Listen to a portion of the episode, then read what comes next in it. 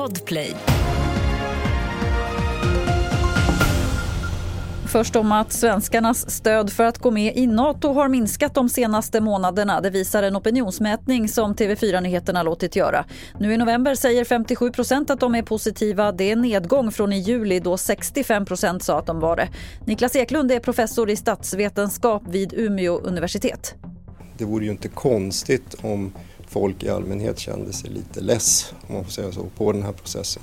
Kanske också börjar undra vad är egentligen NATO för typ av organisation? Hur kunde det vara så lätt för Finland att gå in och varför blir vi hängande? Och I förlängningen av det kan man ju också tänka sig att eh, man börjar fundera på om det verkligen är värt att vara med i en sån här organisation.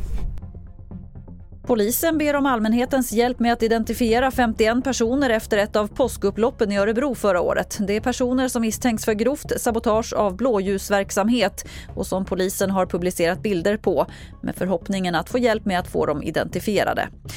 Fler hundar borde mentaltestas, det säger flera experter till SR. 3 000 personer i Sverige söker varje år vård efter att ha skadats av hundar. Trots det görs bara mentaltester på i genomsnitt 50 hundar om året. Och det kan få till följd att farliga hundar inte stoppas, enligt experterna.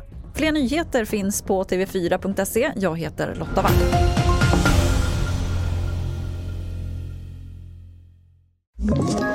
Ett poddtips från Podplay.